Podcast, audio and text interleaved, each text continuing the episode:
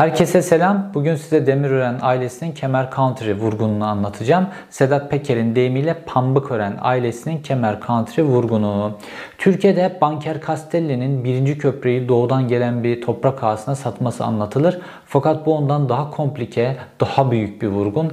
Çünkü burada devletin devletten kiralanan malın devlete geri satılması, bu arada astronomik milyar dolarlık bir zenginliğe ulaşılması, üstelik de devlete satılan o malın tekrar kullanılmaya da devam edilmesi hikayesi var. Fakat bunun içerisinde buna göz yoran yuman siyasetçiler, hükümet, bürokratlar, mafya, çökmeler, ölümler, karma karışık bir hikaye var. Tabi bütün bunları kayda geçiren, bunlara direnen dürüst bürokratların hükümet tarafından satılması da var. Ve bütün bu suça, o kemer country'e, niye İstanbul'un göz bebeği, İstanbul'un en lüks yerinde, İstanbul'un cennetinde yaşamak için bütün bu suça, halkın cebinden bu paranın çalınmasına ortak olan o kemer country'nin sakinleri olan sanatçılar, futbolcular, siyasetçiler, iş adamları ve ünlü gazeteciler, yayın yönetmenleri filan var. Hepsi de bu suçun içerisinde ortak beraber hareket ediyorlar ve halkın cebinden milyarlarca dolarlık bir servet beraberce talan ediliyorlar. Hepsi oradaydı. Hepsi bu suça ortaktı. Sadece Pambukoran ailesi değil ama o malı içlerinde en çok götüren kişi. Huzurlarınızda Pambukoran ailesinin kemer country vurgunu.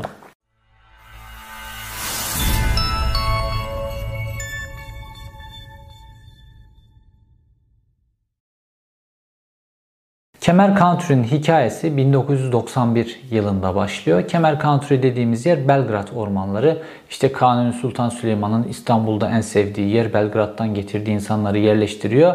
Ve aynı zamanda da İstanbul'a su taşıyan kemerlerin geçtiği bir nokta. Ve burası 1991 yılında Esat Edin isimli bir iş adamı burayla ilgili bir proje getiriyor. Proje tamamen turizm tesisleriyle ilgili bir proje. Esat Edin diyor ki İstanbul'a ultra lüks zenginler gelmeye başladı artık. Bu zenginleri bir şekilde belli bir süre İstanbul'da tutmak lazım. İşte bu zenginlerin e, meraklı olduğu bazı sporlar var. Mesela tenis, mesela golf, mesela binicilik, mesela trekking, mesela outdoor sporlar gibi sporların içerisinde yer alacağı, tesislerin ormanın içerisinde kaybolduğu, ağaç kesilmeyeceği böyle güzel bir golf alanı, spor alanı, dinlenme alanı ve İstanbul'a gelen zenginleri burada tutalım. İstanbul'da para harcamaya devam etsinler ve dolayısıyla İstanbul'u gezsinler, İstanbul'da kalmaya devam etsinler. Bütün esnaf ve Türkiye büyük miktarda döviz kazansın. Kimden? İşte büyük Rus oligarklardan vesaire bütün zenginlerden, astronomik zenginlerden, işte ünlü sanatçılardan vesaire. Ve bu projeyi o zaman Turizm Bakanlığı kabul ediyor. Fakat onayı Orman Bakanlığı'nın vermesi lazım ve Maliye Bakanlığı'nın Milli Emlak Genel Müdürlüğü'nün vermesi lazım.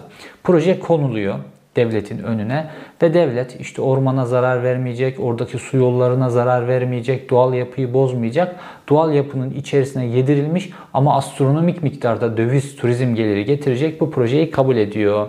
Önce Turizm Bakanlığı projenin turizm onayını veriyor. Ardından Orman Bakanlığı ormanı Kemer Country ismiyle kurulmuş olan şirkete devrediyor. Ve ardından da Maliye Bakanlığı Milli Emlak Genel Müdürlüğü değerini belirliyor ve Esat Edin'in firması burayı 49 yıllığına kiralıyor. Satın almıyor. 49 yıllığına kiralıyor. Yani mülk, arazi devletin ne kadar arazi 2000 dönüm orman arazisinden bahsediyoruz. İçerisinde göller olan, su kaynakları olan muhteşem İstanbul'un en güzel noktalarından bir tanesi. Ve inşaat başlıyor 1991 yılından itibaren. İşte kütük evler yapılıyor, odun evler yapılıyor, turizm tesisleri yapılıyor, golf için alanlar, binicilik alan için alanlar, outdoor, trekking, bisiklet alanları, 13 tane tenis kortu, 12 delikli golf sahası devasa filan Avrupa'nın en klas belki de dünyanın en klas alanlarından bir tanesi. Çünkü muhteşem bir doğa var orada. İşte boğaza e, yakın, boğaza gidebileceğiniz bir nokta vesaire bir sürü avantajlar. Türkiye iş için gelen, konferans için gelen büyük zengin iş adamlarının vazgeçemeyeceği ve kalmak için orada birbirlerine yarışacakları bir proje ortaya çıkıyor Esat Edin tarafından. Fakat Esat Edin'den başlamak üzere herkesin iştahını kabartan bir proje oluyor. Ve gidip o projeyi gören, o projeye işte yatırımcı olarak destek vermek isteyen filan iş adamları başta olmak üzere ya burası acaba turizm tesisi olmasa da turizm tesisi görüntüsü altında biz buraya yerleşsek ve hep burada yaşasak istiyorlar. Çünkü mükemmel bir proje, mükemmel bir doğa vesaire. Ama devlet böyle bir alanı belli kişilere tahsis edemez. Burası orman alanı, çok güzel bir alan. Sadece belli kişilerin yerleşime, onların orada kalıcı ikametleri, evlerin olmasına te, e, tahsis edemez. Burası turizm alanı olarak kullanılmalı. Türkiye'ye döviz gelmeli. Türkiye'de de isteyen adam parası varsa bir gece, iki gece ne kadar parası varsa gidip kalabilecekleri bir alan olmalı. Netçe itibariyle burası. Ve fakat Esat Edin'den başlamak üzere orayı turizm tesisi gibi gösterip ama içine yapılan işte o bungalov evler, kütük evler, muhteşem villalar vesaire kişilerin üzerine geçirilmeye başlanıyor. Kendi aralarında yaptıkları gizli sözleşmeler. Sanki insanlar orada kalıyorlarmış, sanki orası kiralanıyormuş, turizm olarak işletiyormuş gibi gözüküyor ama belli zenginler, iş adamı, işte sonra sanatçılar işin içerisine giriyor, gazeteciler giriyor. Kalıcı olarak orada kalmaya başlıyorlar. Fakat problemler çıkmaya başlıyor ve bu problemler devam ederken 2008 yılında Esat Edin 3 tane çocuğuyla beraber Kaz Dağları'nda kamp yaparken sel sularına kapılıyor ve Esat Edin'le 3 tane çocuğu trajik biçimde hayatını kaybediyor. Esat Edin hayatını kaybedince bu devasa bir projeden bahsediyoruz. 2000 dönümlük devasa bir projeden ve hala devam etmekte olan projeden herkesin iştahını kabartıyor ve insanlar oraya, iş adamları oraya sahip olmak istiyorlar. Şirket zora giriyor Esat Edin'in vefatıyla birlikte iflasa doğru gidiyor şirket ve Türkiye'nin çökmelerde usta e, gruplarından, ailelerinden bir tanesi hemen devreye giriyor. Kim oranlar? Demirörenler, Pambıkörenler. Devreye giriyorlar, davalar açılıyor şirketin devri için vesaire derken Orman Bakanlığı da onay veriyor ve Esat Edin'in şirketi Demirören grubu ve bir ortağının üzerine geçiyor. Artık Kemer Country'nin yeni patronu Demirören ailesi oluyor ve ondan sonra işler dramatik biçimde değişmeye başlıyor. Kemer Country'ye eğer gittiyseniz oraya böyle yaklaştıkça daha içine girmeden yaklaşmaya başladıkça böyle sanki ayrı bir dünya başlıyor gibi olur. Türkiye'den, İstanbul'dan, Türkiye'nin ortalama standartından hatta Türkiye'nin üst standartından bile koparsanız gerçekten country gibi ayrı bir ülkeye, ayrı bir dünyaya giriyor gibi olursunuz Kemer Country'ye girince ve oranın çok az elit cennette yaşamaya layık Türkiye Cumhuriyeti vatandaşlarının yaşadığı bir yer ve çok az sayıda da yabancının yaşadığı bir yer. Ortam mükemmel. Kişi başına düşen yeşil alan sahi metrekaresi binlerce metrekare filan. Böyle ferah bir yer. Herkes Bağcılar'da, Üsküdar'da, Ümraniye'de üst üste yaşarken apartmanların balkonları arasında bir metre yer kalırken orada kişi başına yüzlerce binlerce metrekare alan düşen bir cennet var. Kemer Country dediğimiz yer. Şimdi Demirören grubu ona geçtikten sonra orası oradaki satışlar hızlanıyor ve arazi giderek artık turizm arazisi olmaktan tamamen çıkıyor. Ve tamamen oradaki işte o kütük evler, bungalov evler, lüks villalar, geniş evler, havuzlular, havuzlular filan Bunların hepsi insanların üzerine yapılmaya başlıyor. Zenginlerin, iş adamlarının, sanatçıların, bazı üst düzey gazetecilerin üzerine yapılmaya başlıyor. Ve belediye de bu düzenin içerisine giriyor. Çünkü bunlar aynı zamanda çok güçlü bir grup. Sanatçı, iş adamı, gazeteci vesaire bunlar çok güçlü bir grup. Ve bunlar belediyeden de işlerini hallediyorlar. Ve o evlerin, o lüks evlerin kullandığı elektrik, su vesaire gibi şeyler hepsi abonelikler yapılıyor. Normalde yapılmaması lazım. Orası turizm tesisi. Her şey işletmecinin üzerine olması lazım. Fakat sanki oralar evmiş gibi bunlar her türlü elektrik, su, abonelik falan her şeyde kolaylık yapılıyor. Çünkü aynı zamanda bu insanlar güçlüler. Ve işler böyle yürürken tabi bürokratlar bu durumu fark ediyorlar. Turizm Bakanlığı bürokratları, Orman Bakanlığı bürokratları ta projenin gidişinden itibaren buranın turizm tesisi olarak inşa edilmediğini, bu daha doğrusu turizm tesisi gibi inşa ediliyor gösterip aslında yer, yerleşke olarak inşa edilmeye devam edildiğini bunu sürekli rapor ediyorlar ve bunların turizm tesis belgesi, Orman Bakanlığı'nın tahsis belgesi vesaire bunların iptal edilmesi yönünde raporlar düzenliyor. Fakat bu insanlar güçlü olduğu için bunu hep durduruyorlar ve Demirören grubu da yıllar ilerledikçe bu raporlar artık yavaş yavaş olgunlaşma aşamasına geliyor ve hükümet de işte Tayyip Erdoğan da aynı zamanda bu hükümet de çökme işini iyi bildiği için buradan Demirören'den sağlam bir bu iş için sağlam bir parça koparacak. Hani 17-25 Aralık'ın kayıtlarında vardı ya Tayyip Erdoğan Bilal Erdoğan'a diyor merak etme oğlum kucağımıza oturacaklar diyordu. Bu TANAP projesiyle ilgili istediği rüşveti vermediği için. Burada da yol veriliyor bürokratlara ve Turizm Bakanlığı bürokratları, Orman Bakanlığı bürokratları, Maliye Bakanlığı bürokratları raporlara hız veriyorlar. Buranın turizm tesis, tesis belgesinin iptal edilmesi için ve dolayısıyla Tayyip Erdoğan Demirören'i, Pambukören'i kucağına oturtacak. Pambukören de bunu fark ediyor. Fakat burada milyar dolarlık bir pasta söz konusu ve Pambukören diyor ki çünkü Tayyip Erdoğan çökmeci ama Pambukören esas çökmeci. Rum mallarına çöke, çökmekle başlamış bir hikayesi var. Çökmenin kralını onlar yaparlar. Ve onlar da diyorlar ki bizim Tayyip Erdoğan'dan kendimizi bu işte iyi bir ona pay vermeden korumamızın tek yönü medya sahibi olmak. Eğer Türkiye'de medyan varsa ve bu medyayı bir biçimde Tayyip Erdoğan'a tahsis etmişsen, onun istediklerini yazıyorsa, zaman zaman da hafif diş gösteriyorsan o zaman Tayyip Erdoğan sana dokunmaz. Tayyip Erdoğan'ın formülünü, kafa yapısını, zihninin çalışma yapısını çözüyorlar. Ve 2011 yılında yani satın alıyorlar 2008'de e, Kemer Country 2011 yılına geldiğinde durduk yere Demirören grubu Milliyet ve Vatan Gazetesi'ni Doğan grubundan satın aldı. Normalde Doğan grubunun zarar eden iki tane kurumu burası. Milliyet ve Vatan. Vatan artık devirleri geçmiş, körnemiş iki tane yer ve burasılar sürekli zarar ediyor. Reklam gelirleri çok düşük. Doğan grubu da bunlardan zaten kurtulmak istiyor iken Demirören bunlara talip oluyor ve Milliyet ve Vatan Gazetesi'ni 73 milyonu alıyor. Doğan Aydın Doğan mutlu. İki tane zarar eden kurumunu vermiş. Fakat Demirören için önemli. Ve Demirören bu gazetelerde hükümeti zaman zaman ısıran ama genel olarak hükümetin reklamını yapan yayınlar yapıyor. Ve nihayetinde 2013 yılına gelindiğinde artık Turizm Bakanlığı, Orman Bakanlığı, Maliye Bakanlığı'nın bürokratları çalışmasını bitiriyorlar. Ve 2013'ün Haziran'ına geliyoruz. Şu meşhur 2013 Haziran'ı Gezi Parkı eylemlerinin patladığı Haziran, ortalığın alev alev yandığı ortamda bir kısım bürokratlar da görevlerini yapıyorlar ve 2013'ün Haziran ayında Turizm Bakanlığı bürokratları raporlarını tamamlayıp Turizm Bakanlığı'na sunuyorlar ve Turizm Bakanlığı da onayı veriyor ve e, Kemer Country'nin turizm tahsis belgesi iptal ediliyor.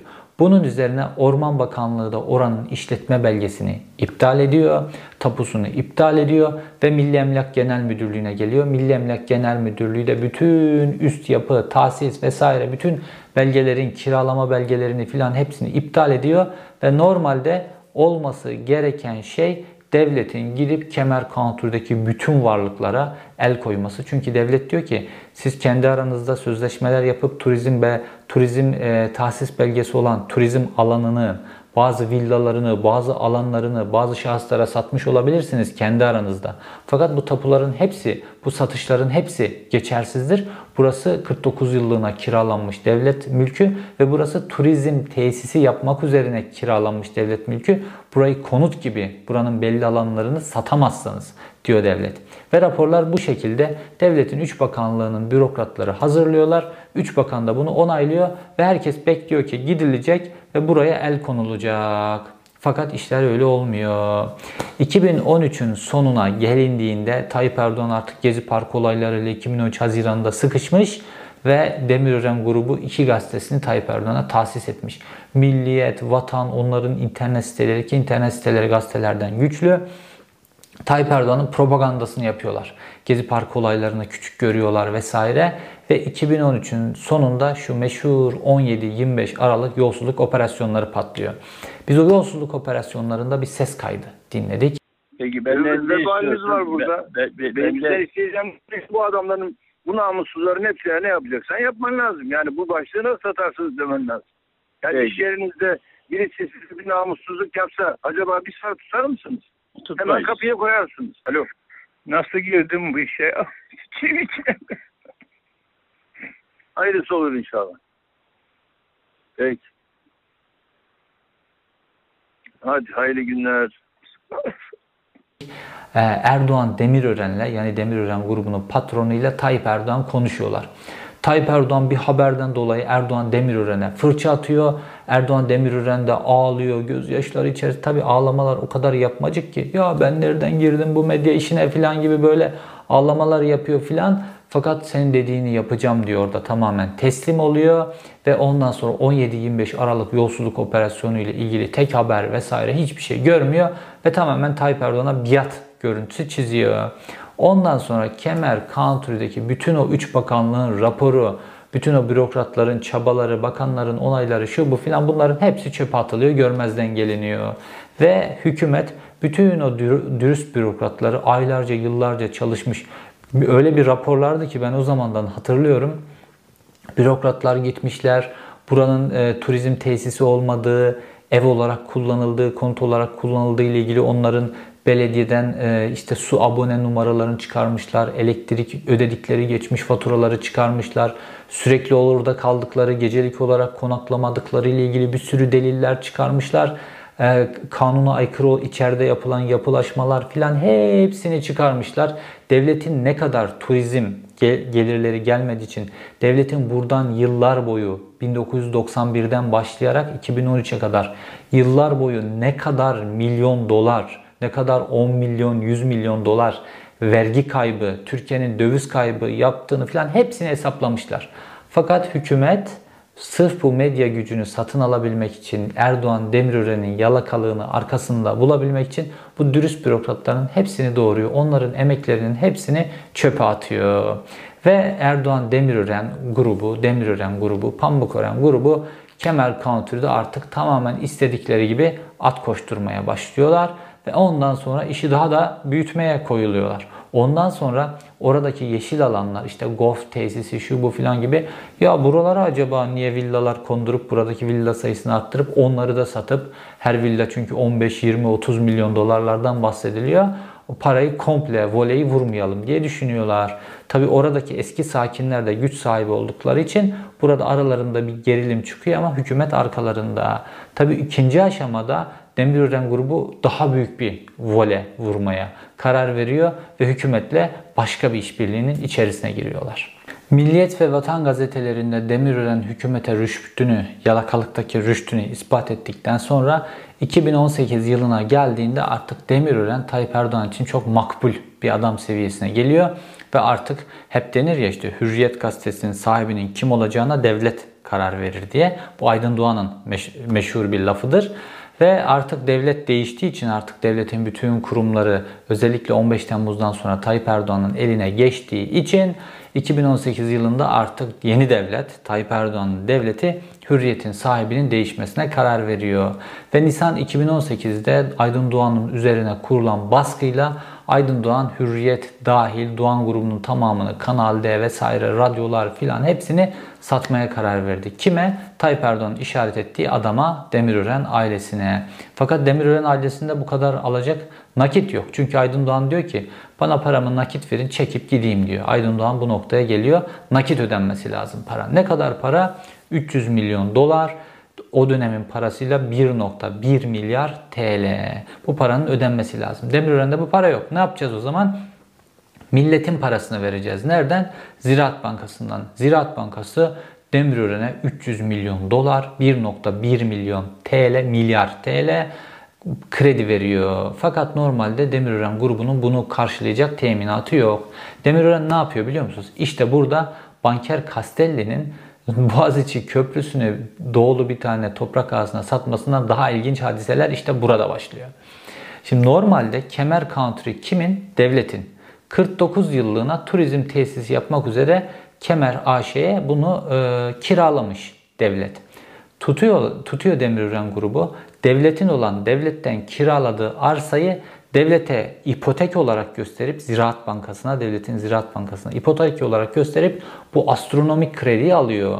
Bu krediyle gidip bütün Doğan grubunu satın alıyor ve ondan sonra da bu krediyi geri ödemiyor. Kredinin ödemeleri birikince birikince birikince de devlete diyor ki al diyor bu arsayı ipotek etmiştim zaten bu krediye karşı bu arsayı al diyor. Şimdi fakat arsanın o anki değeri bile karşılamıyor. İstanbul'un en güzel yeri olmasına rağmen tabii o ev inşa edilen e, insanların yerleşim yerine çevirdiği evler değil de golf alanı, spor alanları vesaire onlar. Şimdi bunlarla ilgili dümen de şöyle kuruluyor. Tabii dümeni hükümetle birlikte kurdukları için bir rapor hazırlanıyor Kemer Country ile ilgili. Deniyor ki buradaki golf sahası Buradaki işte hani 13 tane tenis kortundan bazıları işte basketbol alanı, trekking alanı, atçılık sporlarının yapıldığı alan vesaire. Bunlar atıl durumda. Kullanılmıyor bunlar. Dolayısıyla buranın üzerine 26 tane futbol sahası büyüklüğünde alandan bahsediyoruz bu saydığım alanlarda, spor alanlarında. Bu alanların üzerine 320 tane villa için izin veriliyor. Her biri işte 5-10 milyon dolar değerinde astronomik villalar izin veriliyor. Bu imar değişikliği yapılınca da Demirören'in o arsası Ziraat Bankası'nın bu kredisini karşılayacak hale geliyor. Fakat aslında arsa devletin, devletin kiraladığı arsa. Demirören aslında arsanın zaten geçmiş işte 2000, 1990'da e, kiralanmış arsa gelmişiz 2018'e zaten yarısından fazlası 49 yıllığına kiralanmış ama gitmiş zaten o kadarı geri kalanını aslında devlete ipotek ediyor. Devlet de tamam diyor. Ziraat Bankası bu arsaları alıyor. Yani aslında devlet kendi kiraladığı arsayı alıyor. Yerine adama bu kadar para veriyor. Milyar doların üzerinde para veriyor. Ve Demirören de bununla hiç cebinden para çıkmadan devletin kiralık arsasını devlete vererek Doğan grubuna komple sahip oluyor. Fakat sonra ne oluyor? Dediğim gibi buranın oturanları son derece güçlü insanlar ve bunların da hükümetle bağları var.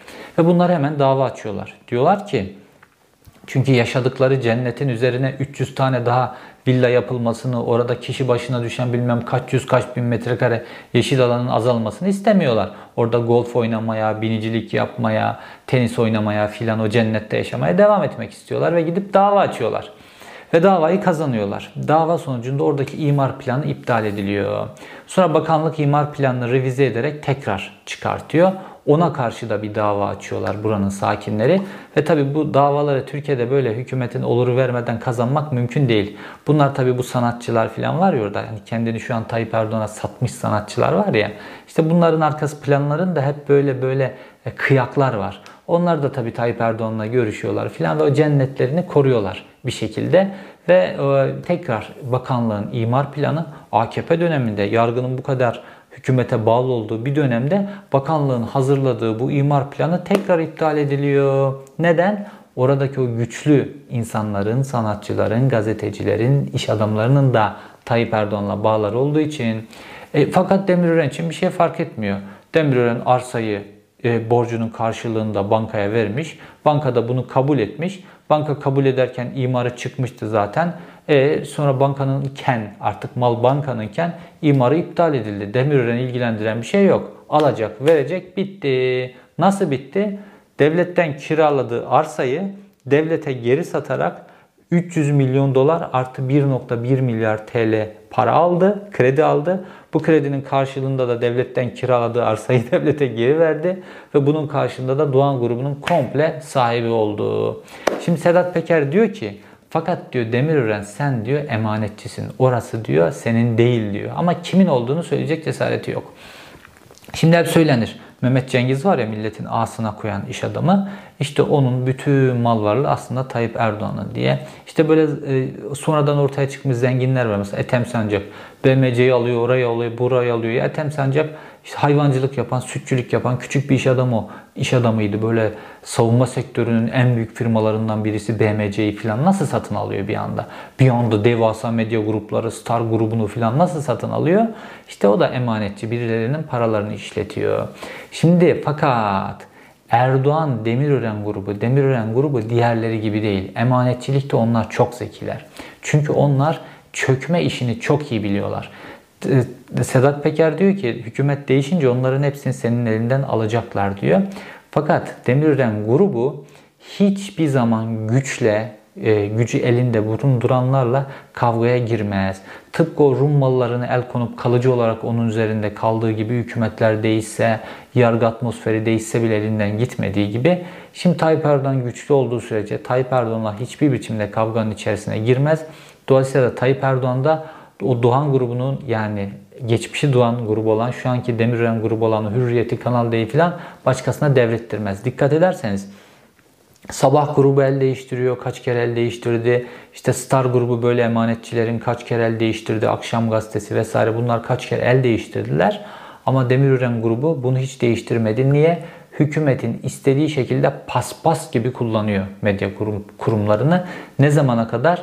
Hükümet gücünü kaybedinceye kadar. Tayyip Erdoğan gittikten sonra da Demirören grubu bütün bu medya grubunu yeni güç kimdeyse, yeni iktidar kimse, yeni bürokrasideki güç mitse mite, yeniden genel kurmaysa genel kurmaya ona paspas gibi kullandırır. Bir şekilde malı korur. Çünkü ilkeler, gazetecilik, iş adamlığı vesaire bunların hiçbirisi önemli değildir. Sadece para önemlidir. Şimdi Sedat Peker böyle ucundan gösterdi fakat bütün bu hikayeyi anlatmadı. İşte ben size burada hap gibi Demirören grubunun Kemer Country vurgununu anlattım. Orası kimin malı? Orası halkın malı. 49 yıllığına İstanbul'un en güzel ormanları Türkiye'ye döviz getirsin diye. Çünkü Türkiye'nin o yıllarda da dövize ihtiyacı vardı. Şimdi de ihtiyacı var. Döviz getirsin diye turizm tesisi olarak ve güzel de planlanarak ultra zenginlerden gerçekten yüklü miktarda döviz getirecek bir planlamayla o zamanki Turizm Bakanlığı görevlileri, Orman Bakanlığı görevlileri, Maliye Bakanlığı görevlileri kafa kafaya vermişler ve bu plana bu şekilde olursa olur vermişler ve bu ortaya çıkmış. Fakat ne oldu? Burası birilerine peşkeş çekildi. Orada devletin arazisini başka insanlara sattılar. Ve bu suça orada oturanların hepsi ortak. Orada oturanlar gazeteciler de buranın turizm tesisi olduğunu fakat kendilerine usulsüz biçimde bu şekilde satıldığını o üst düzey gazeteciler var ya biliyorlar.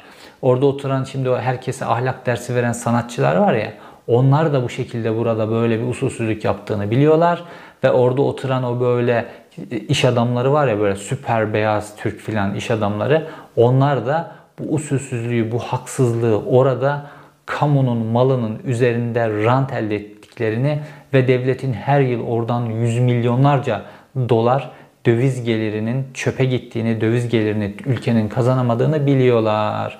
Kaybeden kim?